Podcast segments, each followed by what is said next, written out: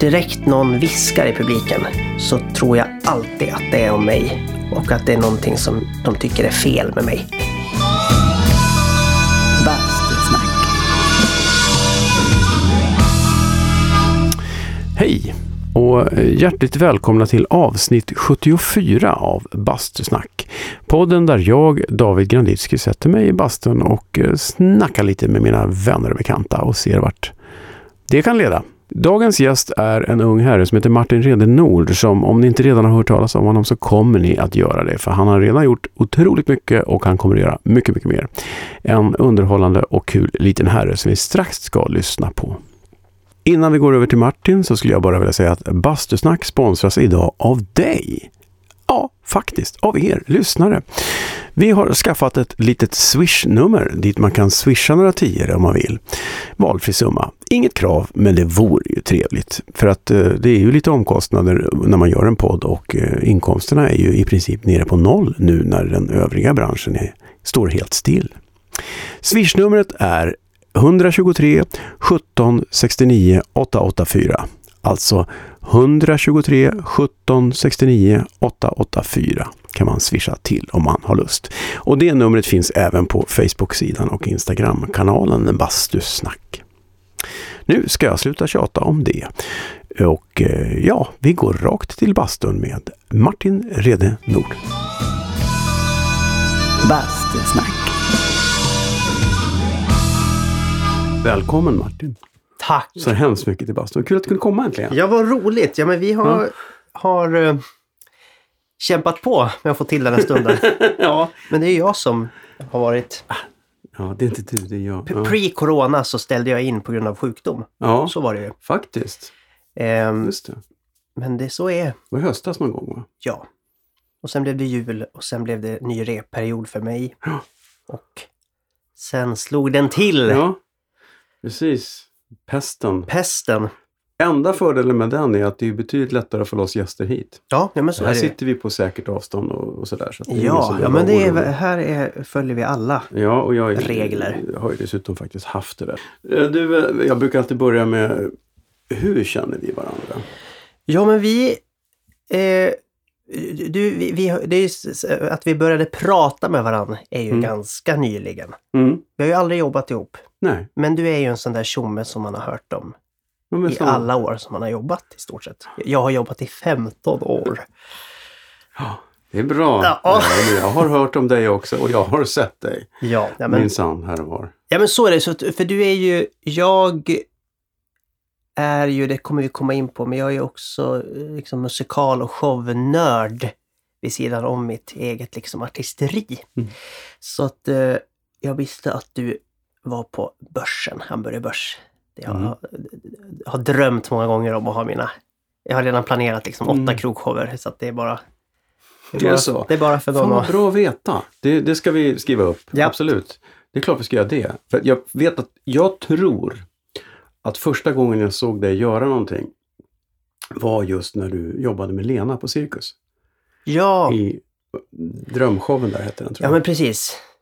Och där fattade, jag tror inte att jag visste vem du var för jag fattade aldrig om, om det faktiskt var så att du var ett fan på riktigt Mm. som hade fått vara med. Eller om du spelade ett fan. Som, för men du det- var förmodligen så bra på det så att... eh, Ja, det var, det var liksom lätt att gräva ur den.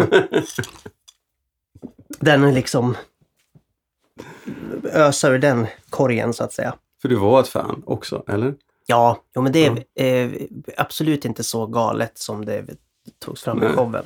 Men det var en mäktig, det var en mäktig check på listan att få jobba med Lena PH. Ja. Och hon är ju så, men jag eh, hoppas jag du hör på det här Lena. Jag tycker ju, hävdar jag att hon är en av, en av våra bästa artister eh, vi har i Sverige.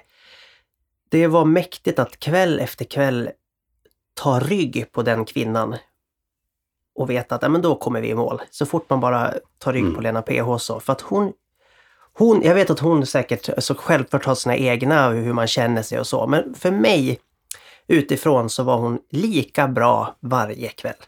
Men hon är råproffs. Ja, som ett Råproffs. råproffs. Och rösten sitter som en smäck. Eh, attityden, energin, humorn. Eh, ja men allting. Det, det var en, en, en ynnest Mm. att få jobba med henne. Kul. Men det var en rolig show också. Den var ju klart annorlunda. Ja, det var ju Det var ju- Benke hade ja, varit inne där ja. och rört om i grytan. Det var jättekul. Hon Ja men det var roligt och Bea Senfeldt var med med kostym och eh, Ernst Billgren var inne och... Just det, han var scenograf, ja. scenograf så Ja. att det var ju väldigt sådär... Eh, ett, ett bonanza av Hur fick du det jobbet? Jag jobbade med Benke året innan då i Romeo och Julia, The Musical, på Göta Lejon. Just det. Mm. Och for ju omkring där på repperioden med mina stories och hej och hå. Mm. Mm. Och, eh, och, och han jobbar ju hela tiden Benke i huvudet på något vis. Så då kom det faktiskt en liten förfrågan. Mhm. Sen var det några möten sådär och med, med Queen Bee och, och lite sådär. Sen så gick det i lås. Kul. Ja, det var häftigt. Kul. Det var härligt. Alltså du var med i den. Det var den med Måns Zelmerlöw? Ja, ja, Vi har sett Pagler. Det är ganska länge sedan. Loa Falkman. Ja, det är 2011 Mm. hade den premiär. Mm.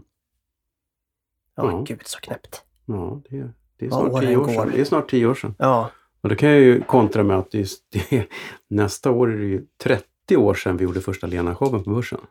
Ja men gud. 006. Ja! Den legendariska. ja. Men den riks- kan, den kan du inte ha sett va? Nej, jag, jag minns att jag, jag var lite för liten då, men jag minns att det gick någon tv-version. Mm. Eh, Det var väl kanske inte den vassaste tv-överföringen. nej, Men men då, den, då eh, minns jag att jag, det, ja, jag såg bara något, något fragment på det Mm. där. Eh, och jag, men jag minns, jag var, vad är det här? Det, är liksom slutet på 80-talet? 91. 91. Mm. Ja men du vet, då går går jag liksom ettan på lågstadiet. Mm. Så att jag har ändå ett minne av att jag mindes att det var Den fanns liksom. Ja, och att det var lite, började bli lite så här buzz kring att Lena eh, var lite utmanande och sexig. Mm. Att det var he- helt plötsligt liksom, ja men lite så ta- tagit av sig lite kläder. Att det, var, det där snappade jag upp på något vis. Att det var lite, Ja, då hade hon väl fortfarande fått den där konstiga titeln va? Sveriges sexigaste. ja men det var säkert i det där. Några år innan Ja, som hon fick dras med.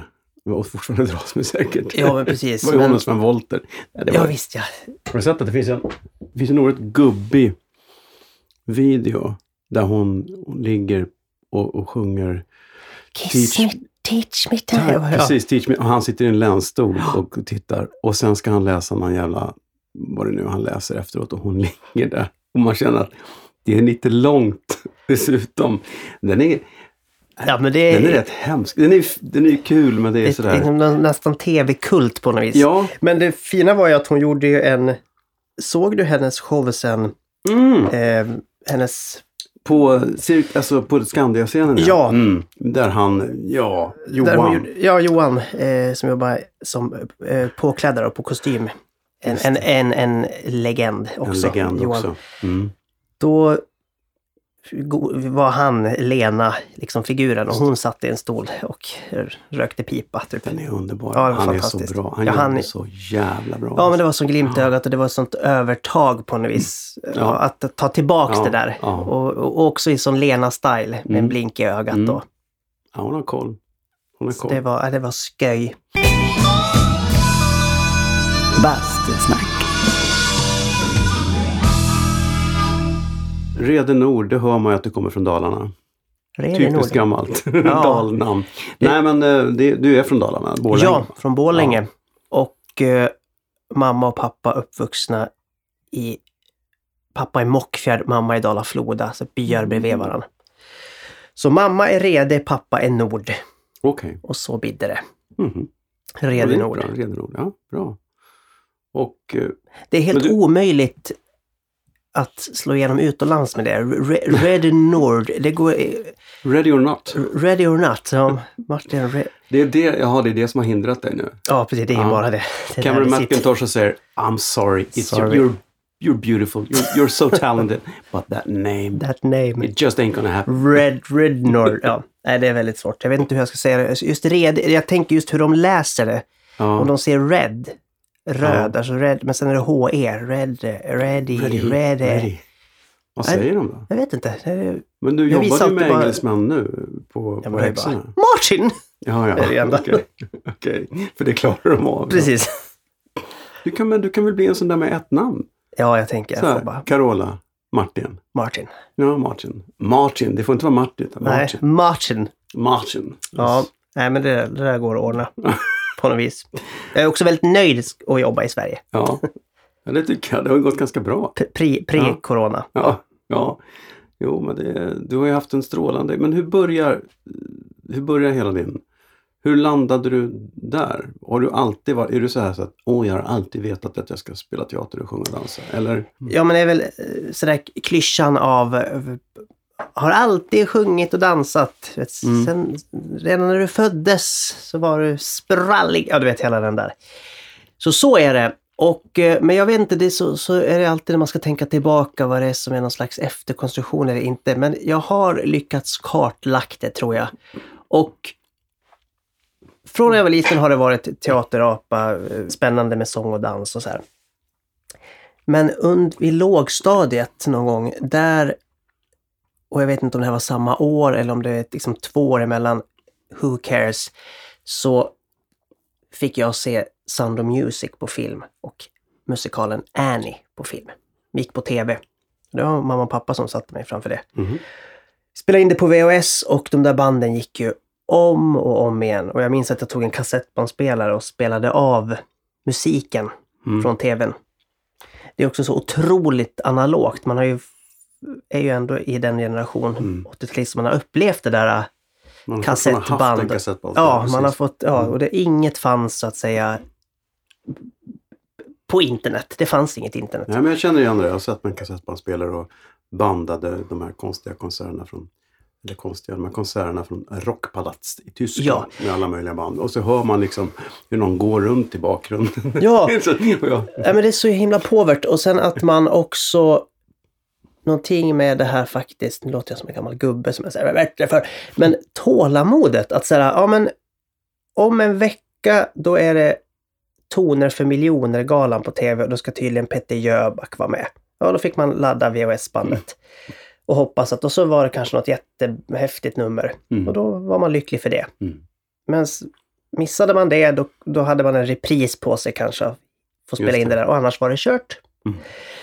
Sen, eh, eh, nej men så så är det. Sound of Music Annie var någon slags, men det var ingenting då som definierade för mig när jag var då, vad är man, 8-9 år, att så här, ah, jag vill bli musikalartist. ja, men där byter man ju genre varannan dag. Polis Ja, varannan dag. precis. Ja. Så att det var mer att, att jag tjusades av de där filmerna och, och eh, blev så otroligt uppfylld av stämsången, eh, det bombastiska. Allt det där som människor som hatar musikal hatar. Det var exakt det som jag gick igång på. Mm. Att folk brast ut i sång, att folk brast ut i dansnummer. Att hela samhällen brast ut i en, ett dansnummer. Det är liksom det bästa Mm, mm. som finns, när det är bra. Och... Eh, men sen var det inte för en...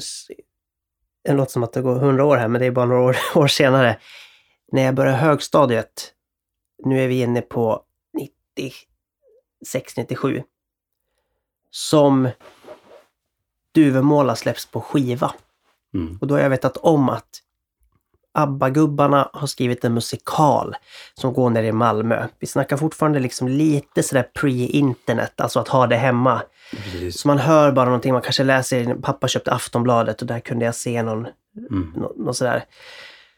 Men det var det enda jag visste och vi, det fanns inte det, vad ska jag säga, eh, ja, mamma och pappa hade väl inte det intresset och jag visste inte, alltså det fanns, det fanns inte på kartan att man skulle ta sig till Malmö för att se Duvemåla, Mm. från Duvemåla. Eh, så det var ju bara att, men sen då så släpptes, eller jag minns det är ju en sån jätte, eh, jätteminne att jag minns då exakt det jag pratat om. Att på söndag på söndagsöppet var det så här lite reklam inför söndagsöppet. Eh, de här och de här gästerna i Hur jag djur. Eh, bla bla bla bla. Och sen så flimrar jag förbi på en ung tjej som sjunger någonting och så hinner jag läsa under eh, B. Andersson, B. Ulvaeus. Så att jag hinner koppla. Undrar om det är från den här musikalen. Ladda videobandet och då är det ju Helen Sjöholm som sjunger Du måste finnas. Och som än idag är sådär topp tre bästa låtar som jag vet, alltså alla kategorier, nu är det inte bara musikal, utan 'Du måste finnas ett, tycker jag, en helt makalös låt. Och då, i den där vevan, så släpptes ju albumet. Och i den vevan så slog Helen och Peter Jöback igenom brett för hela svenska folket. Mm. Och eh, Jöback i synnerhet då som kille, där fick jag en förebild. Att, ja men gud, det här är en kille som håller på med det här som är musikal. Och så fick han åka till London och spela Chrissy Miss Saigon. Så det var som en saga jag fick vara med och se. Och så sjöng jag själv och dansade och höll på väldigt mycket hemma. Jag var med i Borlänge musikteater som är en så lokal fantastisk eh, teaterförening. Mm. Eh, och hade vunnit lite talangjakter med en kompis. Så att jag, var, jag höll ju på och, och förstod att jag ändå kunde någonting. Jag var någonting på spåren. Men med Duvemåla, Helene Peter och den här perioden, slutet på 90-talet, där SVT fortfarande visade dokumentärer om bakom kulisserna på musikaler. Mm. Så det var ju från Chicago med Petra Nilsson och Anki Albertsson och det var West Side Story på Oscarsteatern och det var, så att jag spelade in allt det där. Och eh, i samma veva så fick vi internet hemma. Mm. Så jag kunde börja googla och förstod att oj, det är många som har gått Balettakademin i Göteborg. Det verkar vara någonting Mm. och, och så vidare och så vidare. Så det är kul hur man... Så med det sagt så ja, tidigt har jag vetat. Mm. Så att jag visste redan i sjuan, åttan att...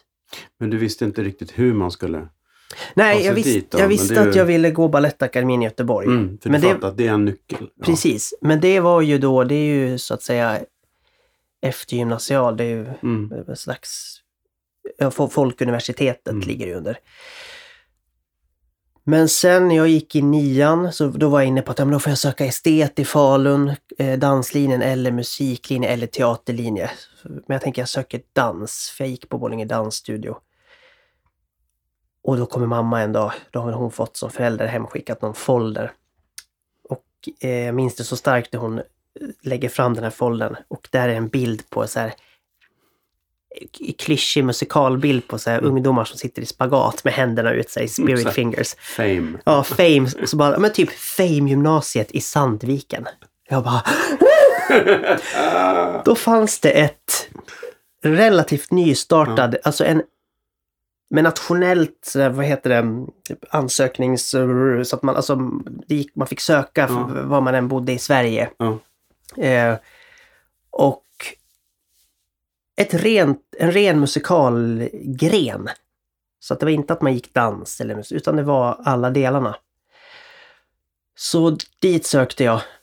Kom in och flyttade då som 16-åring från Borlänge till Sandviken. Bodde på ett elevhem. Mm. Och gick ett musikalgymnasium.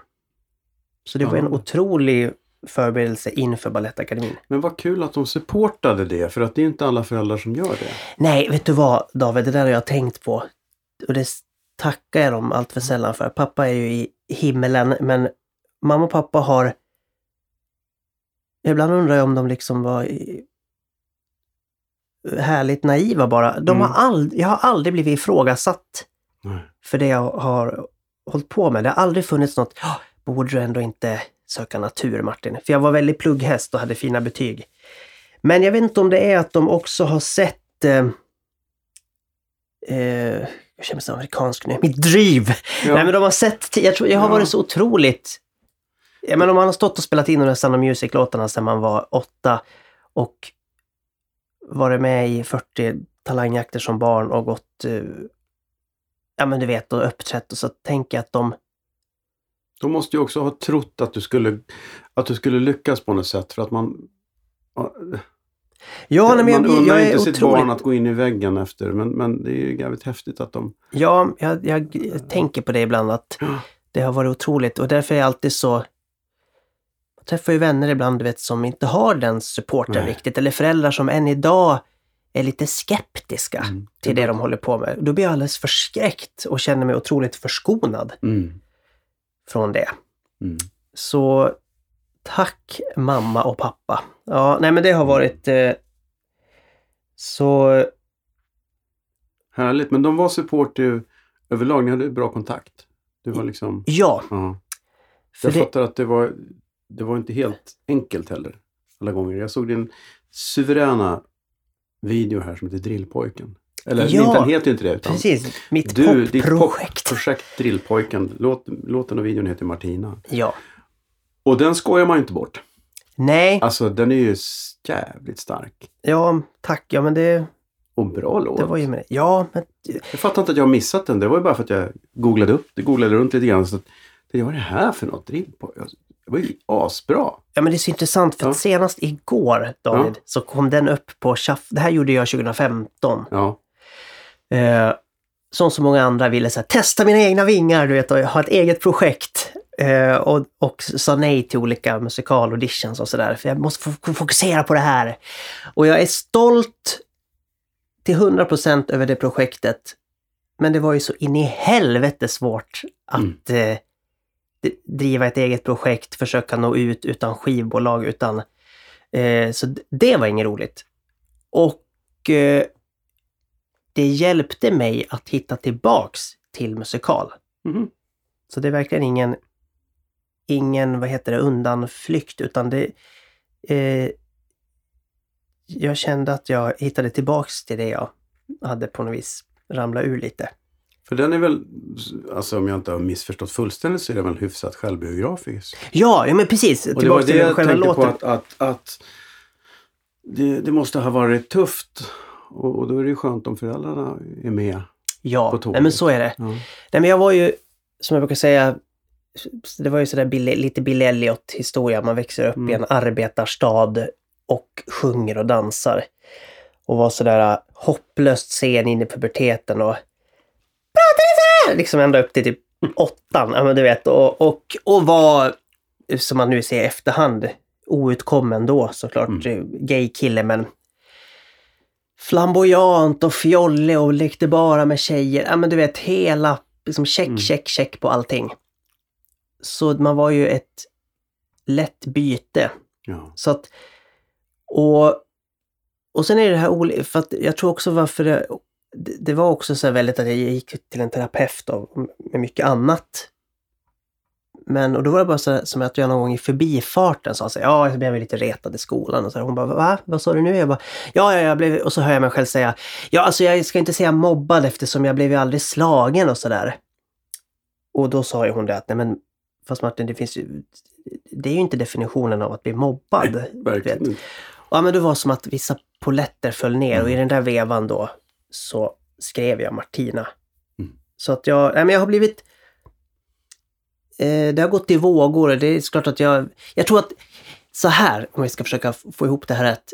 Bara för att jag själv intellektuellt har förstått varför jag blev retad. För jag kunde redan som liten dra kopplingen. Ah, jag står och sjunger här på Kupolens invigning av en ny butik och får applåder och folk tycker att jag är duktig. Det sticker i ögonen. Det kunde jag dra den fast jag var 12-13 år. Mm. Ja, det fattar man ju. Ja. Ja. Men det min terapeut lärde mig, det var ju att man kan förstå allting, men man har all rätt att få bli ledsen och arg för det. Det var en sån här sjuk, det känns också du vet, som så här klyschig Mm. psykologi, men det var en sån sjuk att det var som att det var retroaktivt kom allting att att jag inte tillåtit mig att få bli Förbannad. förbannad och ledsen. Mm. Och det där sitter ju i mig, det sitter ju i mönster än idag i mig att än idag då jag haft stunder av firad artist för det jag gör på scenen. Eh, direkt någon viskar i publiken så tror jag alltid att det är om mig Mm. och att det är någonting som de tycker är fel med mig. Det sitter igen idag. Det är för jävligt att det är alltid det som ska vara det första. Det är Ja. aldrig så här, fan vad bra han är. Nej. Det är, för det är ofta det de säger förmodligen. Ja, eller Men något det är- helt ja, random. Mm. Ja, ja. Men man ska Så att- tolka. Ja, nej, så det, det- det, så det har man blivit lite... Men har du fått... Hur är din relation liksom till... Har du några gamla kompisar kvar därifrån eller har du liksom bara brutit med allting? Ja, nej, jag, nu blev det ju en slags bryt, efter, brytpunkt eftersom jag flyttade som Mm. 16-åring. Eh, men jag har några vänner kvar sådär från eh, långt tillbaks. Mm. och så. Och lite så, hur ska jag säga, jag har ändå vet, made my peace with it. Mm. För att just hela revanschgrejen, den har jag fått gjort flera gånger om. Och man kan ju inte älta det där i evigheter Nej, heller. så- Man måste så är det. se framåt. Nej men Ja. så, och tillbaks till ändå lite att få vara lite intellektuell kring det. Att säga, jag förstår också vissa grejer och det kan också vara skönt att göra det. Mm. Men eh, jag har också börjat acceptera vad det har gjort med en. Och som sagt, exakt det vi pratade om, att man rids av det där än idag Mm. i vissa stunder. Och jag tror, men också bara snabbt tillbaks till barndomen, för att det var ju det att man blev lite ansatt i skolan. Men sen också lång dramatisk historia, väldigt kort, så var ju min lilla syster svårt sjuk när hon föddes i en form av hjärntumör. Eh, allt gick bra efter många om och men och hon eh, är frisk idag. Eh, men det... Vi var sjukhusfamilj med ja, otaliga operationer, sjukhusbesök, cellgifter, eh, kortisonbehandling, allt det här. Fast på en liten bebis liksom. Mm. Så när hon blev bra där då, när jag gick i tvåan med lågstadiet, då klappade jag ihop och fick panikångest och sådär. Var borta i nästan ett halvår från skolan av och till. För jag kunde inte vara utan mamma och pappa. Jag kunde inte gå utanför dörren till slut. Till slut kunde jag inte gå ner på nedervåningen om det kom. Ja, det var hela den där. Mm. Och det här var ju tidigt 90-tal. Då var det inte på tapeten riktigt det här med gå in i väggen, Nej. panikångest, etc. etc. Så Men det är ju tufft för en åttaåring. Ja, det var... Shit. Så det var ju ett otroligt mörker och... Men där om vi ska göra en fin Hollywoodfilm av det, Mm. så tror jag, och det är inte ens en efterkonstruktion, men jag tror att de här att den här flykten in i musikalfilmerna, de här för det är någonting också som är när det blir så bombastiskt. Mm. Även Duvemåla, även Mm. när någonting får vara så. Jag kommer ihåg att när jag hörde musikaler för första gången, eh, jag fick, ehm, när jag började då låna skivor på biblioteket, både biblioteket, Chess och Les Mis och eh, jag pratade med några om det eh, för, för, för, för teaternördar som vet såklart aktslutet i Les Mis, första akten. One more day! Du, du, du, eh, jag minns när jag satt på konvolutet och så och i den låten, för de som inte vet, det är ju en stor slutlåt i första akten där varje rollkaraktär har sitt lilla tema som de sjunger. Och jag satt och läste i konvolutet och så minns jag på slutet då när de alla sjunger temana tillsammans. Att jag typ skrek rakt ut. Jag satt och bara de sjunger det samtidigt allting! Du vet. Och ja men du vet, jag tror att det där var en ventil. Någonting Mm, som fick vara, att där fick jag utlopp för stora känslor Jag förstår. som jag inte kunde graspa. Och sen hade jag perioder av där med det var tvångstankar och tics och jag var, höll på som fan med ritualer och pissiga sätt att försöka stävja Mm. ångesten. Och, och det men, där, då, men då gick du... Löste du det själv sen bara eller fick du... Eller tog de... ja men vi, vi, vi nej, mamma och det pappa ringde. på hela köret? BUP, BUP på hela köret och sen min kära mor och eh, min salige moster som också är i himlen, min älskade moster. De var lite inne sådär på new, eh, new age, age, ja. eh, liksom så. Och, och du vet, nöden är ingen lag, tänker som eh, förälder.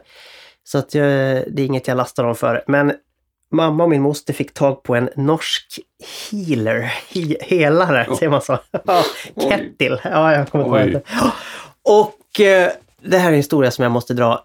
Då blev han ombedd då. Om vi tänker, om vi utgår från den här norska healaren, han får infon att i Sverige, i en liten stad som heter Borlänge, sitter en pojke som inte har varit utanför dörren, liksom, utanför huset. På ett halvår. Han klarar inte av att gå i skolan, han klarar inte av någonting. Vill du komma och ge honom en session? Liksom? Ja. Det han inte vet är att innanför hemmets trygga väggar så var, mådde jag bra eh, överlag. Och där var det ju Ernie-tider eh, utan dess like. Så att när han kommer till oss så säger min mamma till honom Hej, välkommen. Du, och hon var ju hemmablind. Totalt hemmablind har man ju förstått i efterhand. Så att hon hade ingen tanke på... Det är så här att Martin undrar, han skulle vilja uppträda för dig. Va? Jag kommer ihåg att jag hörde i hallen där, den här norska... Ja, han skulle vilja uppträda för dig. Är det bättre om man gör det före eller efter sessionen? Ja, så nej, jag kan inte prata norska nu, men, men det, är, eh, ja, det är väl bättre att, att före kanske då, så att vi kan fokusera sen. Ja, då får du komma in här. Så satte de honom i vardagsrummet och sen klev jag in där med min bandspelare, med skurhink och med trasa. Och sen rev jag av hela öppningsnumret till Annie. It's a hard knock life for us. It's, ja, du vet, det var... Och som slutade med att jag gjorde en rondathjulning ner från eh, gamla soff, så här, vad heter det, sån här skänk som de hade ärvt från farmor och farfar. Mm. Ner i en spagat med den här äh, trasan i handen i världen. Ja, du vet. Och sen musikalslut vet man. Barabam! Och ler. Genetiskt. och jag minns den blicken än idag, hur han stirrar på mig. Och sen klipp till när jag låg på något bord där och fick några så här varma händer på pannan. Och som sagt, om det var Kettles healing eller om det var BUP som hjälpte mig, det låter jag vara osagt. Men jag tänker att... Frågan är hur Kettil mår. Ja, precis. Är det någon som har kollat upp Nej, hur. Kettil mår? Där han kanske blev djupt traumatiserad. Åh, Gud. ja, detta dolde kameran. Ja, precis. Shit. Nej, det var to- ja, men, det, men det finns ju något rörande i det. Jag tycker det är därför jag vill berätta den här Ja, historien. det är underbart. För det är någonting också... Och då vill jag säga att jag menar, det är klart att jag vet att det är massor med barn som älskar att uppträda och ta Mm. på sig frostklänningar och så att om jag får eh, blow my own horn, eller vad säger man? Men, men det där, kanske var det där mamma och pappa såg någonting Mm. ändå. Att det, alltså lite den här klyschiga viljan och någon en passion tror jag. Bastusnack. Nej men sen så det blev, det blev ju musikalgymnasiet och där kom jag ut Mm. ur garderoben, vilket Mm. också var några år kval. Mm. Så det har ju varit lite körigt. Så att eh, jag... Men det är ju å andra sidan inte så himla ovanligt att man... nej, att gud det, nej! Det, jag menar, det är ju ingen som vet det, eller det, även om man vet vad man vet, men när man är, är så ung så... Dina föräldrar måste ju någonstans ha sagt att ja, och? Eller? Ja, de ja, ja, kan ju inte men- ha blivit förvånade. Nej, nej, nej. Nej, men det var... Det var... Eh, det är så här att alla... Jag har en stora syster som är fyra år äldre än mig och en lilla syster som är sex år yngre än mig. Och både mamma, pappa och stora syrran berättade jag för i olika omgångar. Jag Mm. krånglade till det där så Mm. himla mycket, men, men så var det. Och alla de har berättat i efterhand att de grät i sin ensamhet när de hade fått reda på det. För min skull. Det kom någon slags retroaktivt, men åh, har han burit på det här och så vidare och så vidare. Eh, och en oro ändå, det var de upp, mamma var uppe med, du vet. Det var väldigt fint ändå att de var liksom, ja, eh, jag har hört att folk blir nedslagna utanför gayklubbar och du vet och, och HIV, ja men du vet, det Mm. var all den här oron. Och det, det fattar jag. Mm. Den fanns ju hos mig också. Så att det var... Men det var väldigt fint för lillsyrran som vi, jag väntade sist med att berätta för att jag hade någon fördom om att, för då gick hon i sjuan på högstadiet. Tänkte så här, och jag var liten då, så där, lite små kändes hemma i Borlänge. Så Mm. jag tänkte att då kanske hon kan bli ansatt på något vis. Mm. Och just eftersom sjuan, åttan, nian var ju de värsta åren så där, med att bli retad. Men det var verkligen så här, nya generationen. Hon är 89 född, som nästan Mm. 90-talist liksom. Och jag minns när jag kom in väldigt ödesmättat och satt mig på sängkanten i hennes rum. Hon satt med MSN eller någonting och det var så här 40 fönster på datorn upp. Och jag minns, jag minns, gud så otroligt pretentiöst och jag bara Lovisa, jag måste berätta en sak för dig. Det är så här att jag är homosexuell. Varpå hon säger Och? Ja, men precis. Och det blir helt tyst så att... Har du träffat någon då? Nej, nej. Nej, skiter väl jag i. Men vad Mm. vad bra. Du vet, jag bara, ja, ja, ja. Vi, ja, vi, maten är klar snart. Så gick jag ur rummet. Det var Antiklimax. sånt antiklimax. Och Men väldigt fint. Ja, det är jättefint. Men så är det. Så att, att skjutsen när man var liten där med hela den här sjukhus, sjukhusåren. Att bli retad och komma ut som gay har ju verkligen gjort att jag har haft mina terapitimmar Mm. bakom mig här senaste åren. Men vilket har varit väldigt bra. Eh, och sen är det ju det här komplexa David att man vad hade man varit utan det? Alltså jag vet ibland också att allt det där är också en källa till det som gör att det jag gör blir bra många gånger. Ja men gud, det är ju som folk kan säga som har diagnoser. Ja, det är ju skönt att jag har den här diagnosen för annars hade jag aldrig gjort det här. Nej, Det nej men det är, precis- så, det- det är så det- himla det- svårt vad som är, du vet vad man Ja. skulle... Så. Ja, ja, det är väldigt komplext. Det är ju å andra sidan, det är som att tänk om jag inte hade haft min högra arm, vad hade jag gjort då? Eller, Mm. det är ju, man är ju den man är Ja, och det kan man inte göra något åt. nej. Punkt. Ja, Och sen, man gör det bästa av situationen. Liksom. ja. Alla har väl sina dubier, men du har ju helt klart eh, kommit rätt och det har ju gått så förbaskat bra. ja nej, men jag är, är otroligt tacksam och glad. Mm. Jag, ja, jag, har fått, jag har fått jobba hela tiden Mm. sedan jag slutade skolan. Och det, När lossnade det känner du? Alltså du måste ju gjort lite sån här... Jo men precis, jo, men jag, det, Bakgrunds- för jag, det, det är så här, mitt favoritord, allt är relativt. Mm. För vi har alla olika vägar och jag, jag brukar säga att jag har haft, jag har haft ynnesten att få börja känna att nu skulle det vara kul att få göra lite roller. För att Mm. jag har fått göra mycket ensemble, alltså lika med jag har fått jobba.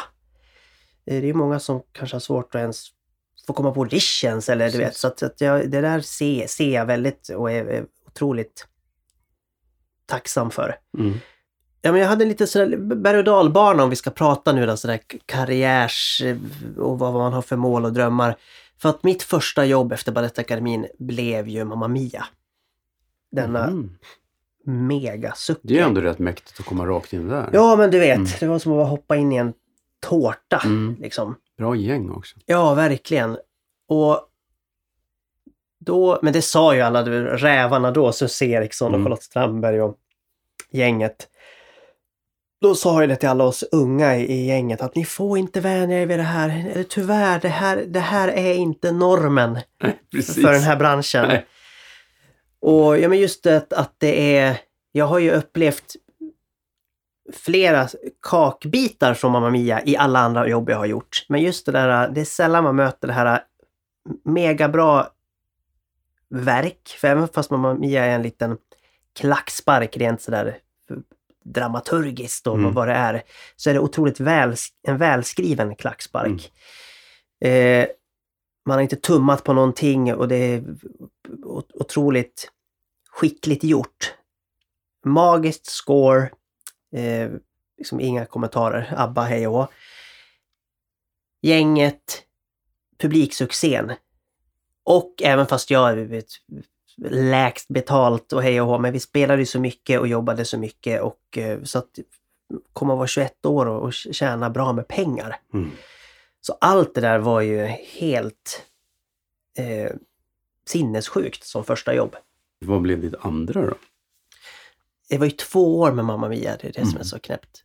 Eh, det blev Cats på Nöjesteatern i Malmö. Mhm.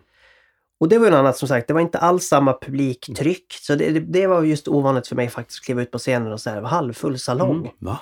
ja, just det. Sen var det en guldmaskvinnande föreställning och, och det var magisk koreografi av Sean Playstedt, jättefin Mm. koreograf. Eh, som sen gjorde Book of Mormon bland annat och Ugglas krogshow Mm, senast. precis. här nu. Eh, så att det är det jag menar att det var, eh, det var, var det samma pengar Cats? Nej, det var det inte. Bless you Nöjesteatern, men det var inte samma, samma ekonomiska svung. Men det var mycket andra grejer som jag fick där. Mm. Och, så. Nej, men, och då var det så att Mamma Mia, Cats, sen blev det High School Musical. Mm. Så fick jag göra små roller. Vilket var väldigt roligt. Mm. Eh, och då blev jag lite sådär, jag ska inte säga stor på mig, men det var lite att jag bara, ja det ska man väl alltid göra. Mm. Och sen kom det en period där när jag, visst det var Lena där då, eh, liksom ett litet undantag som bekräftade regeln, men det blev en period av mycket ensemble. Mm. Eh, ensemble och cover för roller. Just det. Eh, Inhoppare då för de som inte vet vad det är. precis. Ja. Så Eh, och ensemble för alla som inte vet, det är ju eh, de som, gänget som fi- fi- finns med runt omkring i stora dansnummer, sångnummer, eh, kanske har små, någon replik här och där. Mm. Eh, så det är absolut, det, det vill jag verkligen att jag har gjort så otroligt mycket rolig ensemble. Mm. Det är en, en, en, en egen, så att säga, eh, det, är inte genre, vad säger jag, det är som en egen teknik också för att vara en duktig ensemble. Ja, man får inte sticka ut för mycket. Nej, men man ska ändå Mm. liksom ge Ja, väldigt mycket. Precis, ja. Och eh, nej, det, jag har otrolig respekt för ens, ensembleplatsen. Mm. Liksom, och när det görs bra. Eh, så, så det är fantastiskt. Men, men eh, eh, jag sticker inte ut stolen med att, att det är kul ibland att få göra en lite större roll. För att det är också ibland lättare båge att följa. Det är Eh, mycket svårare att göra små roller. Biroller är ju mycket svårare. Ja. Man måste göra något av dem. En huvudroll, en stor roll har ju oftast... ja. Ja. Men och som ensemble då som till och med är, är så att säga under birollen. Nu pratar jag bara i, i som figur. Mm. För där i ensemblen är man ju uppstyckad i tusentals figurer. Mm. eh, då är en biroll också lättare båge så att säga ändå att, att följa. Så att, ja men det var en period där jag kände att, att det stampade, att det, att det blev mycket ensemble och cover, inhoppare. Eh, och det var då i den där vevan som jag stannade upp ett tag och gjorde ett eget popprojekt. Mm. Drillpojken. Som blev då en slags ett svar på den där barndomen på Mm. något vis. Och en, ett, eller ett, en, en uppgörelse med det där. Och, Men du fick ingen snurr från något bolag på det sen? Att de sa att du, det här ska vi göra mer. Det var ingen som Nej. nappade? det var svårt och jag, jag tror att jag också, jag blev lite snabbt cynisk. Min pojkvän Anton, min sambo, jobbade då i den vevan, jobbade på ett litet skivbolag, Playground Music, Mm. som är mer ett Mm. indie-bolag. Och via honom fick jag förstå också hur svårt det är ens för skivbolag i, i dessa tider, streamingtider. Men också i att allt är någon slags business och eh, det här med att det är inte bara en slump vilka artister som är på Skansen eller vilka artister som är med Så mycket bättre. Att det, Nej. det är en, ot- det är en- otroliga möten där skivbolagen promotar sina artister. Precis. Och det är ju helt logiskt när man vet om det. Men då insåg man att oj, när man inte ens har ett skivbolag i ryggen, hur ska man... Alltså när skivbolagen slåss blodiga för att få med Mm. vissa artister i vissa, och i vissa spellistor och i vissa... all- Allt det här. Det, Jo, men det är som alla som sitter hemma och drömmer att få med en låt i Melodifestivalen. ja, men det är så och det är tufft. tyvärr, det är ju så rökt. Ja. Den platsen finns ju inte. Och Eh, det har väl aldrig hänt. Nej. Jag vet, det kanske har gjort någon gång, men från början var det så att svenska folket ska skriva låtarna själva. Och då tänkte jag, har det någonsin varit med någonting där så? Det kanske det har varit, men ja, det, inte mycket som inte har haft ett förlag i ryggen. Eller Nej. någonting. Det går ju inte. Nej, och det där är ju liksom... Och jag tror att med Drillpojken var det så här, och jag ska också säga så här. Jag har sån otrolig respekt för liksom popartister, popakter som sitter och knoppar ihop låtar på låtar i studios. För att jag har lyckats skriva ihop två, tre låtar. Mm. Men det var sånt jobb med, för jag kan ingenting än med producent, pro, producentmakeriet. Eh, jag är ingen instrumentalist, jag kan inte själv spela in liksom olika enkla demos utan jag behövde ta hjälp till allting. Och jag betalade alla. Mm. Och så där, jag belånade mig själv och gjorde det. Jag gjorde allting Oj, så by the book. Ja, jag har privilegiet att Ja. satt på en lägenhet sen Mamma Mia-tiden Mm. som jag faktiskt kunde belåna upp lite. Men det gjorde jag. Eh, så att jag insåg vilket jobb det var och då kände jag att för det var ju också många råd så att ut och gigga med det du har. Och vet, då kände jag, ja men då vill man ju ha en tio låtar och Mm. kunna gigga med. Du vet, jag känner att jag kan inte åka runt bara med Martina Nej. och skapa någon... Då blir du någon sorts ständig gästartist hos folk istället. Ja, Ja. nej. Mm. Så att, och, och, och så det, det ska jag säga att det där var, jag vet inte, eller ja, jag, jag kände att nej det tyckte inte jag var så kul. Nej. Det, det vill inte, det orkar inte jag. Men du gjorde någon låt till som jag såg, när, någon video till på Sergels torg. Vad var Ja, det, det som du upp? precis. Då var det ju så här också att jag, jag släppte en till låt Ja. som ni alla får lyssna på som heter Fläck. Eh, som är någon slags lite lite mer funky. Sådär hej och. Eh, någon slags Jackson 5-blinkning. Eh, den släppte jag. Eh, det var inte mer med det. Sen fick, var det också att pengarna var slut jag behövde jobba. Och eh, fick eh, kabaré på Stadsteatern. Var med i ensemblen där. Och Jo, för när jag gick in också i Drillpojken så var jag otroligt pretentiös och hade ett behov av att, jag trodde liksom att nu ska jag bli någon ny Veronica Maggio här, Oskar Lindros. Jag hade dem som förebilder. Och, eh, så jag var så otroligt själv sådär att det får inte vara för mycket musikal. Och då är ändå Martina otroligt popdramatik. Så Mm. att jag fattar ju, det, och det Mm. fattar jag även då. Men det är heller inte de- den mest... Eh, det, men Martina är ju inte heller drypande Lord Webber pastisch. Så, så att jag tyckte liksom att ja, men det är ändå poppigare än vad jag någonsin Mm. har varit i. Så att jag hade ett behov där att och, och gå bort, kliva av musikaltåget på något vis. Mm. Men nu i efterhand så inser jag att jag ändå då inte blev helt hel i det. Och Drillpojken-perioden gjorde att jag till slut kände att nej men, jag ska inte vara på Debaser och stå och sjunga liksom i någon skränig klubb. Utan jag ville stå på så här jag vill att en ridå ska gå upp och så ska jag stå i en spotlight med, med hatt och käpp. Ja, men det, var, det, det var typ en sån bild jag hittade tillbaks till. Eh, det är det rummet jag vill vara Mm. Till största del. Och hittade därför tillbaks till musikal. Och under Drillpojken-tiden då hade jag spelat in en annan låt. En ballad. Som var alldeles för mycket musikal tyckte jag. Men med allt det här sagt, när jag hittade tillbaks till musikal så kände jag i höstas då, för den har legat ändå i någon byrålåda och skräpat. Så tog jag tag i det, ringde min producent igen och bara, ska vi inte bara städa upp den här nu och så Mm. släpper vi den. Och då släpper jag den i mitt eget namn. Och den heter Min film. Som handlar om att se världen ur ett musikalfilter. Bastusnack. Det finns ju ett projekt som folk kanske kommer ihåg det mest ifrån och jag, jag får inte in det i, i eh, tidsaxeln här. När var du egentligen med i Sikta mot stjärnorna som Peter Jöback? Åh herregud. Det var... För det är ju ändå den stora... Det var innan spanska sjukan till och med. Så det var liksom två pandemier sedan. Ah, Eh, okej. Nej, det var hösten 2000. Jag var 17 år. Ja, Gick i gymnasiet. Åh herregud. Ja, ja, det var... det minns vi ju alla.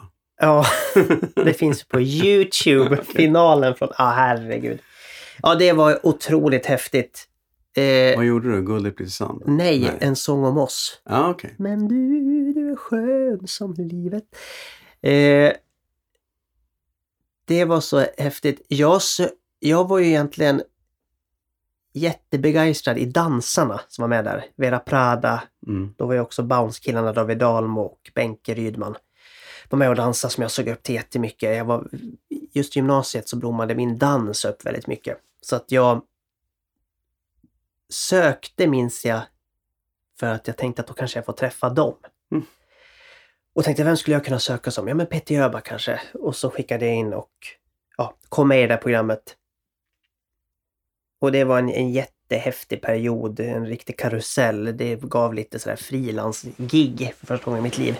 Ehm, också sådär bisarrt, du vet att man Jag ville komma med upp till Sundsvalls eh, köpcentrum och sjunga med Cheryl Meatloaf. Vet, de som vann. Ja, men det, blir mycket sånt där. Och Dolly Parton kommer vara med också. Ja, men du vet. Tom Jones. Nej, men lite sådana där gig blev det. Eh, och jag menar, jag var 17 år och det var sådär... eh, Jag Det är kom- bra på CVn. Nej, jag turnerade med Cher och Meatloaf när jag var 17. Ja, ja men precis. Man kan, det är som Joey i Friends, man kan Ja. liksom tweaka sitt Precis. CV lite. Eh, nej, men där var också en sån jättenyttig... Efter, det var 2000, då var jag 17 år. Sen blev det några år efter det där som jag var tvungen att ta ett stegkliv då, vilket var välbehövligt, från Peter Jöback som idol så att säga. Inget ont om Peter så att säga. Men det blev för mycket eh, Peter Jöback, Peter Jöback, Peter Jöback och Mm. Martin Renord alias Peter Jöback och ehm, Man vill ju inte bli Martin Peter Jöback redan nu. nej. Och jag förstod någonstans ändå att så här, om jag är nu en ung man, tenor som sjunger musikal. Och sjunger liksom Jöback-repertoar. Eh, alltså ligger i den fåran. Mm. Så kommer jag ju för alltid, utan Sikta mot stjärnorna, att alltid jämföras och Ja, ja, förknippas. visst. jag tänker som Ja. lika mycket som kanske ännu mer förr var att du, du, ja, men Peter Jöback och hans generationer jämförs med Tommy Körberg. Alltså lite den där grejen. Mm.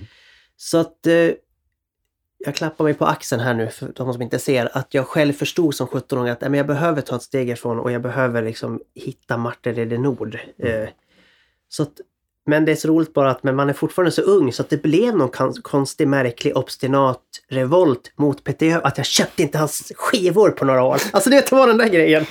Det var därför han hade He ett försäljningstapp Ja, han hade ett jävla tapp där. Det är de mörka åren för, för Peter. Vet han om det? Alltså du hade ju aldrig fått jobba i Häxorna. Nej, nej, nej. nej. Det, har jag, det, har jag, det är första gången jag berättar det här nu. Scoop. Scoopet, ja där har vi ett scoop. Precis. Nej, så det, det, var, det var en karusell men det var nyttigt att lära sig att jag måste bli free. Mm. Så, Men var det var Häxorna eh, första gången du jobbade med honom? Eller har du jobbat med honom innan? Nej, det var första gången. Ja. Eh, och... Nej men det är också så här, jag är ju både med Peter och Helen som har varit stora förebilder och idoler är jag väldigt glad att... För jag har ju jobbat med dem här nu senaste året här nu. Peter i Häxorna och Helen i musikalen Next to Normal på Uppsala stadsteater. Som vi tyvärr fick lägga Ja, ner efter nio föreställningar. Ja, det är för var jävligt. så bra. Jag är så glad att jag hann se den. Ja, vilken tur. Oerhört bra. Ja. Men, eh, Nej, det är vilken sorg. ja. Eh, men med det sagt så är jag glad ändå att det blev när det blev i mitt liv att jag fick jobba med dessa två. Ehm, för att det kommer alltid finnas en ask i hjärtat som är 14-åriga Martin som tycker det är spännande. Men det är skönt att inte vara den personen nej. till 100 Du har procent. hittat din, din roll Ja, i sammanhanget och, på då blir det riktigt. en annan sak. Ja, och det Ja. är faktiskt skönt att kunna möta förebilder och sånt, men som en vuxen person och själv känna att man Mm. bring something to the table. Eh, så det är jag väldigt glad för. Det är också en fin circle of life och, och ibland har man fått sådär något meddelande från någon ung person som vill söka, ha frågor om skolor och Mm. då kan jag bli sådär varm i hjärtat att man då, känner, då har man helt plötsligt blivit Mufasa som bara allt du ser kommer bli liten dag. Så det där är, ja men det är, någonting rörande det tycker jag. Ja, det är häftigt. Har du sådana här fans som hänger utanför och väntar på dig? Nej, alltså det, ja, men det finns några supporters verkligen som kommer och ser mycket. Mm. Eh, men ing, inget, inget problematiskt. Nej, det är ju sällan det med de där. De är mest där och är glada. Ja, Det ja, men är- det är ett gäng som verkligen ser det mesta. Och jag som sagt, jag har ju själv växt upp och varit väldigt också som mus- musikalnörd. Mm. Gått och sett väldigt mycket och, och stått utanför sceningångar och Vad var det första stora du såg? Det första stora jag såg var Sound of Music på Göta Lejon med Carola. Och Ja. Tommy? Mm. Och Tommy Körberg. Ja. Men det var ju Carolas show, så att säga. Nej men det har någonting någonsin varit så klockrent eh, som Carola som Maria von Trapp. Det var, nej men det var, eh, Nej. nej det är så fantastiskt. Och då minns jag att då gjorde jag Trollkarlen från Oz i Borlänge. Eh, med Ah. Borlänge musikteater som var den stora produktionen i Borlänge det året. Eh, Den klassiska eller schaffer? eh, klassiska. Mm. Och då var ändå Trollkarlen i Borlänge en sån stor satsning. Alltså Mm. för det var så mycket effekter och så. Men det var ju så analogt allting och man typ drog in scenografi med trådar, alltså för att det inte skulle synas. Och så får man komma till Stockholm och så ser man de här radiostyrda pelarna som byggde upp Sound of Music Mhm. som förflyttade sig. Ja, du vet. Så att jag minns det så starkt, den där magin, inte bara i då allt det vi har pratat om, bombastisk musik, vackra professionella röster. Utan för mig var det helheten också med Mm. Scenografi, Ja, inramningen. Ja, Så att jag, var, jag var väldigt också, det är ett, ett snabbt sidospår. Hade inte jag blivit artist så tror jag att jag hade försökt slå mig in på just scenografi, kostym, hela den biten. Mm. För att det fanns en period när jag var så otroligt fascinerad av, och just det där som teatereffekter. Mm. Och du vet när man fick höra om Miss Saigon, när det finns en musikal, Martin, förstår du, på London Broadway, där det landar en helikopter på scenen. Jag kommer ihåg att jag var helt nipprig när jag fick höra om det där. Mm. Eller Tills när... man ser det Ja, ja. Okej, ja. var det det bästa ni kunde göra? För det är inte, Åh, den, gud, det nej, är inte det- den tunga effekten. Nej, det är inte, men det är så, det är så 80 på något Ja. vis också. Det är underbart. Det är kitschigt Det är så nästan. El Cheapo. Ja, det är verkligen så. Den var säkert jävligt dyr, men den, den är lite som, som draken Katla i, i filmerna. Ja, Så ja här, precis. det kommer någon papier-maché-sak. Sak. Den var, här var det ju, ja. Nej, fräckare effekter har man nog sett på Ja. scen. Nej, men det, så är det. Men of Music var första och sen så gick det ju med ett rasande tempo. Mm. Pappa vann 5000 på resor på Bingolotto. Mhm. 97 någon Mm. gång, 98. Och tog med mig då till London. Han var så nervös. Inte superberest. Och återigen, vi snackade innan smartphones, innan... Så det var ju väldigt fortfarande sådär äh, in på en resebyrå. Ja. Och, Ja. och då minns jag att de la fram också någon mapp, du vet, med musikaltitlar. Just det. Och så pappa sa, nu får du välja en, du vet. Och, ja. och det är också så att eh, mest tacky valet, men som ändå är, säger att man förstår man var så liten. Då valde jag Starlight Express, som är Lloyd Webbers spya till... Av alla musikaler, du kunde valt Lejonkungen. Ja, men du vet, men då var vi... Då, snack, och då snack-. Uff. då Ja. snackar vi ju det här då dock. Men du vet, tänk då, då är man 12, 13. Ja, ja, ja, då är det ju och jättehäftigt. scenteknik. Ja, ja, I den musikalen åker alla rullskridskor på räls runt om i salongen. Vet jag bara, herregud. Och jag älskade musiken. Det, det, det, är, det, är, ja, men det är sådär Lloyd Webber on crack, att varje, alla genrer är med. Det är någon raplåt och det är någon countrylåt och det är någon poplåt och det är någon och musikalbonanza. Nej, men så Mm. för mig var det ju eh, in the bag så att säga. Och eh, så att det, det, den är ett, det, är, det är ett varmt musikalminne. Mm, Och det är så mycket också... Det är som att det minnet sen pappa gick bort mm. har- har blivit ännu starkare på något vis. Eh, och har ett, ett ännu större värde. Men så kan jag parallellt med det eh, liksom tisa mig själv för... Av alla. Fast samtidigt, då har du sett den. Då har du den referensen. Jag tycker alla referenser är bra. Oh ja! Det är ju, jag är glad att jag såg den också, även om det var förskräckligt tyckte jag på så många, så många sätt. Men, men dessutom såg jag den på slutet när det var verkligen... Ja, men det blir dammigt. Ja, jag Ja. fattar. Ja, nersuttna ja, stora. Ja, men det, verkligen. jag kan förstå, för att vi måste återigen David ändå sätta det i sin 80-talskontext. Ja, Så är det ja. otroligt, för att Oh, ja. allt var ju tacky på 80-talet. Ja, Så att den var ju helt rätt i sin... Eller, Ja. jag, man fattar ju varför Starlight Express kom på absolut. 80-talet. absolut. Den var ju helt fantastiskt säkert då. För ingen hade gjort det förut. Nej, men, eh, nej, men det är ju en... Ja, det är en, liksom en... Nej. Det liknar Mm. inget annat. Men vi såg också Miss Saigon på den resan. Ja, Så det var mäktigt. lite bättre. Ja, Ja, det var häftigt ja. att få se. Eh, och så, men sen är ju... Sen fick jag se Duvemåla. Jag och min... Uh, ja, men det är återigen mina kära föräldrar som bara så här... Martin, vi har bestämt att du ska få åka och se Duvemåla. Vi har hittat här i Borlänge Tidning en bussresa, sån här teaterresa. Mm. Och då fick min stora syster åka med mig. Och då hamnade vi på en, det var vi och sen 99% panschisar. Det var vitt krulligt hår i hela bussen. Det brukar ta två och en halv timme att resa till Stockholm. Det tog fyra timmar. För det var liksom tre stopp med kaffe och dupp. Ja, du vet, det var... Nej, vad jobbigt. Så min syrra viskade till mig och sa, det känns som att vi är på hemlig resa. Herregud. Så det var, ja, men då fick jag se Duvemåla och det, det var så mäktigt. Det är mäktigt ibland när man får se någonting man har, man har liksom knarkat sönder Mm. det här albumet. Mm. Repiga CD-skivor.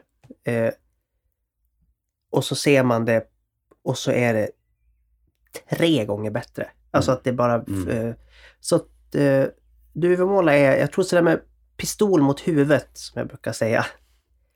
Säg det bästa musikal någonsin! Du vet, så, så, Mm. för att egentligen vill jag ju dra in ett whiteboard här och dela in i kategorier Mm, och olika, du vet. Det finns så jävla mycket bra föreställningar jag har sett som är det bästa jag har sett. Mm. Förstår du? Det, det, jag hör det i huvudet, det här är det bästa jag har sett. Men med pistol mot huvudet, då är det Kristina från Duvemåla. Mm. Ja, den är fantastisk. Det är Så att- tveklöst. Ja, den är makalös i sin inramning och på hela balletten. Bastusnack. Du gjorde Ringaren i Notre Dame. Men jag, så här, i och med att det var Göteborg så var jag inte där och såg den. Jag har bara sett den i, i London. Såg jag den. Ja, du såg den ja. Och då var det... Notre Dame de Paris. Ja, det är inte samma... Nej, Det är inte samma... Okej. För, Precis. jag, för grejen var att då såg jag den med Fred Johansson. mm. Och då kände jag, intressant att du gör samma roll som Fred. För det var ju helt annat register och helt annat. ja, Men då var det inte samma. nej, utan det här, den, den i London, det var ju en Ah. nyskriven. Ja, det är en fransk musik, historia. fransk. Ja. Otroligt Eh, pretentiös. Ja, För gud de- ja. Dessutom singback här för mig. Jag tror inte de hade orkester heller. Ja, men det var också något som var lite sådär Mm. Men det var häftigt. early 2000-tals, Mm, eh, mm, också mm. kitsch på något vis. Men, Ja. men, men eh, fantastisk, några svinbra låtar i den. Eh, och jag minns, vad jag förstått så var det en ganska mäktig uppsättning. Med mycket, det, det var sådär att man, det var mycket akrobater Ja, i Det ensemblen. hängdes i kyrkklockor. och, ja, precis. Eh, och jag kommer ihåg att det gick som någon sån här att typ, jag vet inte om det var någon danslärare som var så att nu måste man bredda sig, nu måste man kunna det här också om Mm. man ska kunna, du vet, jobba i ensemblen. Och herregud, man känner att nu måste jag lära mig Mm. volter här. Ja, Och sen dess har du inte gjort några sådana. nej, det är Cirque du Soleil som harvar på i, i Las Vegas. Ja, Nej, men eh, precis, nej det här var Disney, jag var med i så att säga Disneys ja, versionen. Ja. eh, Disney-films. Eh, det var en dansk version av Disney-versionen som gick i eh, Fred, Fredricia, Fredricia eh, teater i Danmark. Och den köptes då in av Göteborgsoperan. Mm. Och det här var då en sån där period, David, när jag hade gjort, jag var ensemble i Cabaret och så var jag ensemble i Book of Mormon och var inhoppare för Per Andersson. Magiska Per Andersson. Fantastiska föreställningar var med i. Alltså, eh, det var så fruktansvärt roligt. Men som Bell så ville jag mer än leva småstadsliv. Eh, så att jag, nej men jag kände så här, åh, jag, jag kände lite att jag, att jag kanske började hamna i ett fack sådär. Mm. Mm. Eh, jag vet att jorden kretsar inte kring mig, men du vet känslan i en själv att ah, jag tycker att det liksom tycker knappt att man får komma på audition sen för roller och det är tillsatt innan. Ja, du vet, jag tyckte det liksom var svårt. Hur ska man... Så att jag tänkte jag får fila på egna grejer, du vet, Mm. och kanske någon enmansföreställning. Och så började snackas om att Ringaren Notre Dame kommer till Göteborgsoperan. Och jag minns ju att jag, inte cyniskt utan helt krasst bara så här, ah vad spännande, vem ska göra Quasimodo? Nej, det vet jag inte. Det står att man, de söker det. Uff, tänkte jag, tjena. Då tänkte jag ändå att om det är någon musikal Ja, för jag hade aldrig varit på Göteborgsoperan heller. Jag har inte ens sökt ett jobb på Göteborgsoperan för att jag har haft fullt upp med annat. Mm. Så jag tänkte att jag menar, jag finns ju inte de rullarna överhuvudtaget. Så det finns ju inte på kartan. Och, eh, men då tänkte jag att men då, om det är någon ensemble jag vill göra så är det väl i Ringaren. Att få vara en del av, på tal den här bombastiska musiken, mm, mm. få jobba i det huset och tänk att kanske knipa coveruppdraget, inhoppsuppdraget för Quasimodo. Då kanske jag någon gång får hoppa in. Så med de Det var ju en blygsam ambition. du Ja, och det var 100% den ambitionen jag Mm. hade. För att jag förstod inte bättre, eller på säga. Eller, jag, eller jag, jag, jag kunde ju bara lägga ihop statistik från ja, hur det såg ut och erfarenhet. hur, ja, min erfarenhet. precis. Så att jag åker ner dit, var så glad för att man fick välja att sjunga Quasimodos stora sång. Där ute, la la la la la. Jättefin låt som jag har sjungit sedan jag var liten, du vet. Mm. Så här, eh, för det har vi ju inte ens nämnt, men det är eh, kanske underförstått att jag har ju varit också Disney-frälst. Ja, det har ju, kommer lite på köpet. Ja. ja, 90-tals Disney var ju Ja. musikal. Ja. eh, Så. Bombastiskt och allt det där. så jag var så glad att jag skulle få sjunga den i alla fall och, få, få visa att jag kunde sjunga den och, och så. Så att jag vet inte, det här är ju efterkonstruktion, men ibland tror jag kanske, jag vet inte vad, David vad som var om, om ibland att jag klev in och var så fri på någonstans eftersom jag inte Du trodde... sökte inte den rollen? Nej. Nej. så att Du jag ville kom, bara vara med? Ja, jag kommer ihåg ja. att jag verkligen bara... Jag minns att jag var öppen i, mitt, i min bröstkorg jag så här, och sjöng den här älskade låten som jag älskar så mycket att sjunga. Och så. Och sen minns jag att det var något dansprov och jag vågade... Ni, folk, det var några, såna här, några åttor som man säger, alltså räknesätt inom dans, innan man började med själva dansstegen. Mm. Då var det några åttor fritt. Och då gick ju folk in, någon, några blev lite Esmeralda, sexiga, passionerade. Och några killar blev lite sådär eldiga, för det var en väldigt eldig dans. Det var sådär. Men jag minns att jag klev in på golvet och spelade Quasimodo. Inte sådär "Ö, att jag var liksom hunchback, utan Mm. essensen av... Jag låtsades som att jag var Quasimodo som har fått gått ur tornet för första gången och få se världen. Så att mitt i det här eldiga som var runt omkring mig så stod jag och var liksom uppspärrade. Och, så, och tänkte att det får väl bära och brista.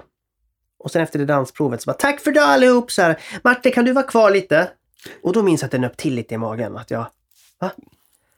Och så, ja.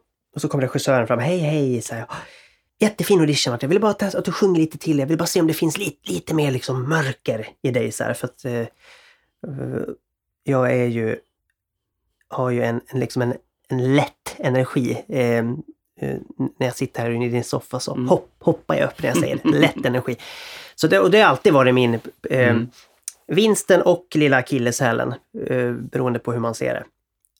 Så att eh, jag fick visa lite sånt och, och jag fick testa några repliker och, och eh, gå in i något slags nästan gr- growlande, alltså, alltså det, det, det där sättet på något vis att, att prata på.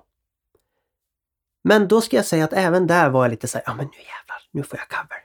Nu vill de se att jag, för de har ju såklart en kille som Såklart de har. det är såklart de har. Ja. Och sen så vill de se nu om jag fixar och, och vara Precis. inhoppare.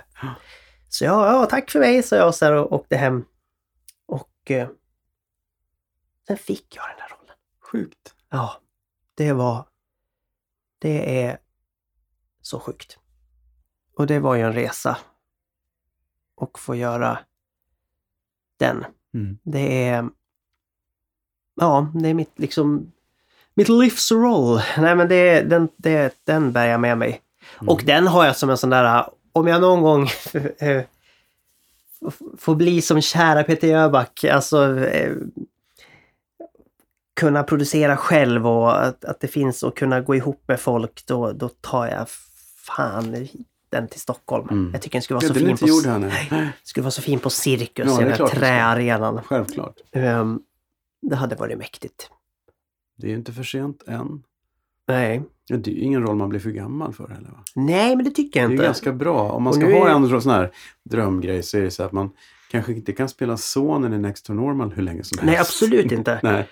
Och, eh, och, och sen tack och lov så är jag ju, har jag ju ett väldigt pojkigt Mm. utseende.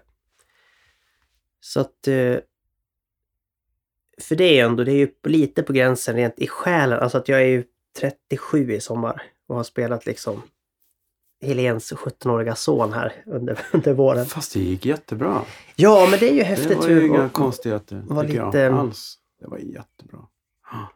Det Ja, gjorde du med den äran. tack. Ja, Ja, men Hela var, ensemblen var fantastisk. ja, men vilket Så gäng. kul att se. Jag tycker om när man går och ser en ensembleföreställning där alla når upp liksom, till, till det där man vill att det ska vara. För det är så synd ibland när man, man går och ser någonting så är det två, tre stycken som är fantastiska och sen är det resten, ah, det, man tappar lite. Och så blir man ju också lite petig när man har sett teater hela sitt liv. Det, det, men jag tyckte att Next to Normal var, ah, jag var ju helgjuten. Den var fantastisk. Ja, vad roligt. Ja, men det, Den var snygg och det lät bra och det var snyggt eh, ljussatt och det var rolig, så- knasig scenografi. Mm. Och det var i en helt omöjlig scenografi. Det var så fan, det här, va? Men Ja. den funkar ju. Ja, Oj. tack och lov. Det var verkligen ett experiment Ja. tror jag, från, från allas håll. Men det blev fint och det, den lyfte fram berättelsen. Ja, Ja. Enda var väl att den såg ut som Bauhaus-loggan. Så man tänkte, har de spons? ja, men precis. För det är faktiskt... det är så fan, det är Bauhaus. Hmm. Nej, men den, den var, det är en, en, en ynnest att ha fått göra den. Mm. Och det är såklart att man, man drömmer om att det, det kan bli andra tider och att, att den skulle kunna få en chans igen. Det har blivit dags för Skämskudden. Herregud vad pinsamt. Skämskudden. Nej, inte den där gamla demon! Nu är vi inne på mellanstadiet. De första mörka, de där healing-åren Ja, var förbi. Och jag var igång och hade kommit, fått komma med i Borlänge musikteater. Eh, och började sjunga då med min pappas kollega Kiki Bergsten som också jobbade som personlig assistent eh, och på det här elevhemmet med folks med funktionsvariation. Men hon var också, eh, eller är fortfarande så här Borlänges kulturmamma, sån här eldsjäl. Mm. Som du vet, har varit en, du vet, en sån här profil i Borlänge. men det som, finns sådana i nästan alla Ja, orter. hon var med i Borlängerevyn. Ja, hon ja. har du vet, eh, varit... Var någon, skulle någon vara moderator eller liksom programledare, eller på att säga, vad heter det? Konferenser. Konferenser! Mm. Så var det Kiki. Eh, och hon har hållit i invigningar, Dahlia Cup invig, ja du vet sådär. Och hon har en dotter, Tilda Söderström, som är lika gammal som mig. Som är en av Sveriges bästa sångerskor. Eh, och p- p- pysslar på med det hemma vid. Och vi var med i någonting som heter Lingman och Companys eh, barntalangjakter. Eh, känns sånt där barntalangjakts produktionsbolag från Stockholm. Mm. Där, som, de, de har, där har Peter Jöback och Lisa Nilsson varit inne och, och, och härjat och Erik Sade och ja du vet, det är så. Eh, men där var vi med, jag och Tilla vann en talangjaktstävling vilket ledde till att vi fick vara med och spela in ett album som heter Stjärnskott. Med några andra förmågor, bland annat eh, The Moniker, Mm. Daniel eh. Karlsson. Eh, och här går vi alltså i sexan, jag och Tilda. Och då fick vi, fick man göra lite promo eh, lokalt. Så vi fick, då fanns det eh, TV4, så här lokal-TV. Så vi fick åka till den studion och sjunga låten Biggie Bill. Eh, ja, det handlar om en grottmänniska. Ja, du vet, det, var, det här var ju en barnskiva. Ska Mm. jag säga, stjärnskott barnskiva. Det var låtar som Randig apa, Trötta killar, Mm. Jag vill ha godis. Ja. Och så vidare. Och andra hits. Ja, andra hits. och vi sjunger den här låten. Det, det klippet, det skämskudden vi ska få höra, det är ju då när lillgamla Martin sitter i soffan här eh, i, med, i tv-studion och blir intervjuad. Och jag vill ju prata hela tiden. Jag vill... Så att det här är ett kort klipp bara. Programledaren frågar, ja, vad, hur, vad händer i helgen då? Det här var i Vasaloppstider och jag har ju, kan ju inte stava till sport. Du har ingen aning. Nej. Men hör mig själv säga, ja, jag ska väl kolla på Vasaloppet och ja, ja du vet.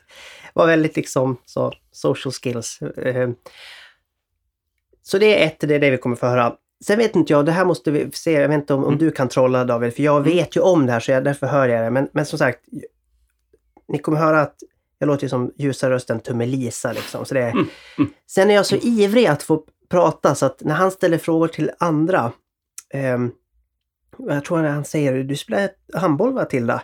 Då hör man från mig För det kommer så ja, vi är så på gång att prata. Så att, eh, eh, men eh, det är bara kont- roligt. Det första är roligt att bara höra Mm. att jag ser Vasaloppet, jag är så pretentiös och Ja. är liksom 12. Let's hear it. Ja, kul. Men vi ska se här vad...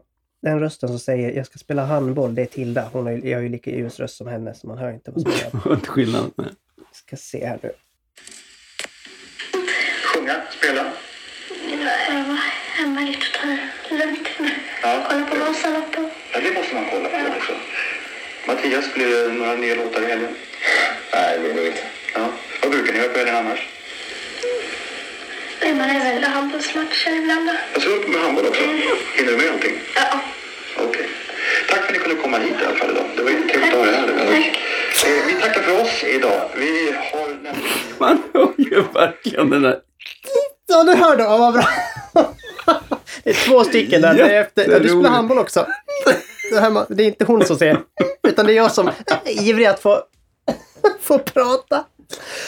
Åh, är underbart.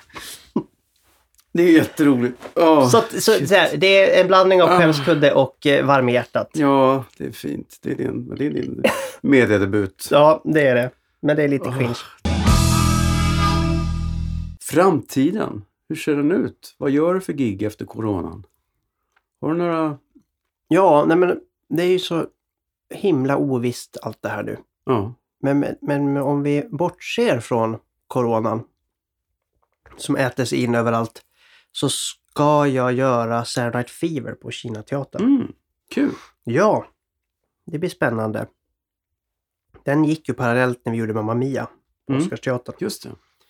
Andreas va? Ja, Ja, så nu är det med David Lindgren. just det. Uh, Det är ju någon i grabbarna i gänget där. Alltså. ja, Bobby C. En Kul. olycksfågel. Ja. ja, men det är han som inte är så glad va? Precis. Ja. Och det är någon brosekvens där. Jag ska inte spoila för Nej, mycket. nej, som om... Men tror du någon på allvar går och ser den som inte vet vad den går ut på? Men den är, det är ju bra musik, men man måste ju ändå säga att det är ganska fascinerande att det är... Alltså om någon hade skrivit den, nyskrivit den idag, hade man kommit undan med den liksom kvinnosynen. Nej, på, allvar liksom. Nej, det tror jag inte. Och jag tror att det tas i beaktande Ja, as we ja. speak. Det, jag tror att det stryks och dras Ja. bort och läggs till lite i... Jag menar, alltså jag kan ju se det som ett tidsdokument. Man, Oh ja, man ändrar ju inte kvinnosynen i, i Kung Lear heller. nej, men så är det ju. Så Det- det jag, ju men- Men jag liksom- tror att man, man kan ge... Det är ju 1979 trots allt. Så är det. Och eh, så här, men jag tror att man, man kan säkert med eh, lite dramaturgiskt svung ge kvinnorna lite bättre plats Mm, i berättelsen. mm. Så det, det hoppas jag på. Sen Men- tycker jag att det är en intressant tidsstudie när man ser liksom filmen och originalet. Just på den extrema objektifieringen. Det tycker jag också är någon sorts dokumentation av, av, av den tiden. Att det, det var ju fullständigt, det var ju inget konstigt. Nej. Det är precis som när man ser Grease. Att den här naturliga sköna bruden, hon blir inte okej förrän hon är extremt jävla stylad och tillfixad. Nej, jag vet. Ja, men Då det, duger hon. Om man tänker, wait a minute. det, är så, det är liksom, ja, gud ja. Men hur det, tänkte ni? Men då det- var det självklart. ja, Äntligen så, så klev hon ut och slutade vara sådär vanlig och blev lite Mm. häftig. Mm, men ö, hon började röka också. Kanon! Nej, det är tidsdokument deluxe. ja, det är ju det. Man får gå in i musikaler på olika sätt. Mm. Eh, jag vet att Seven Fever inte kommer vara något eh, tungt verk med 40 lager att gå in i och gräva i.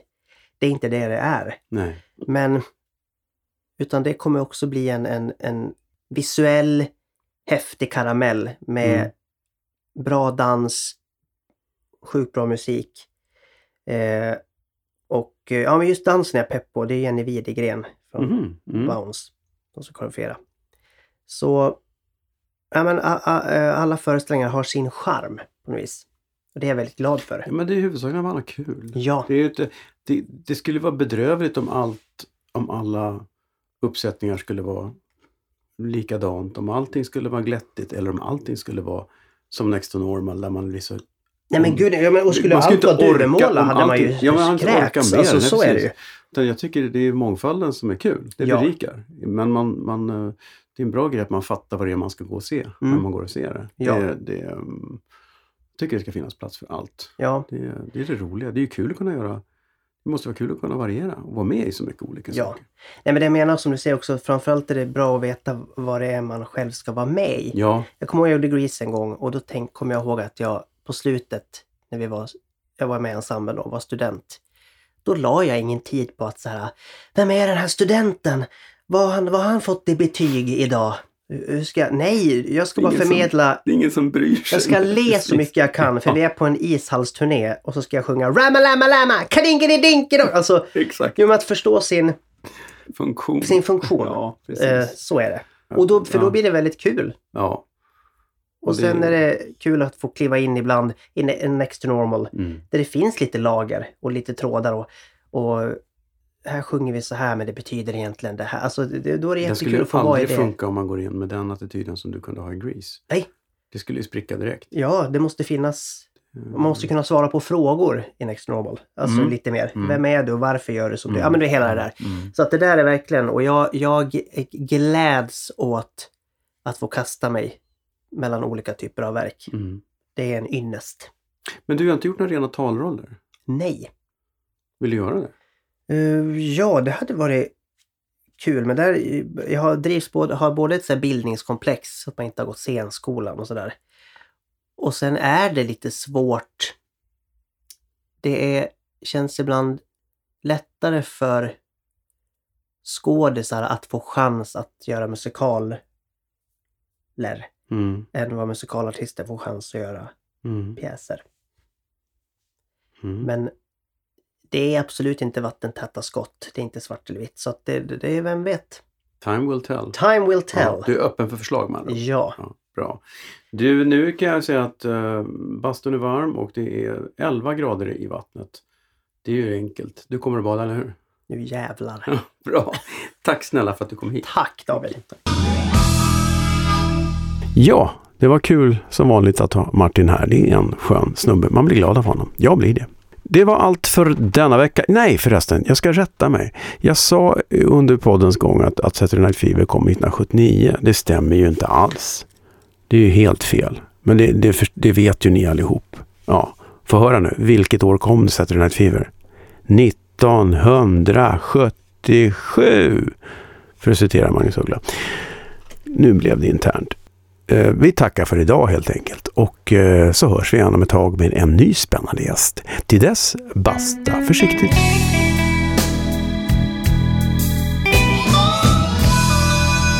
Bastusnack.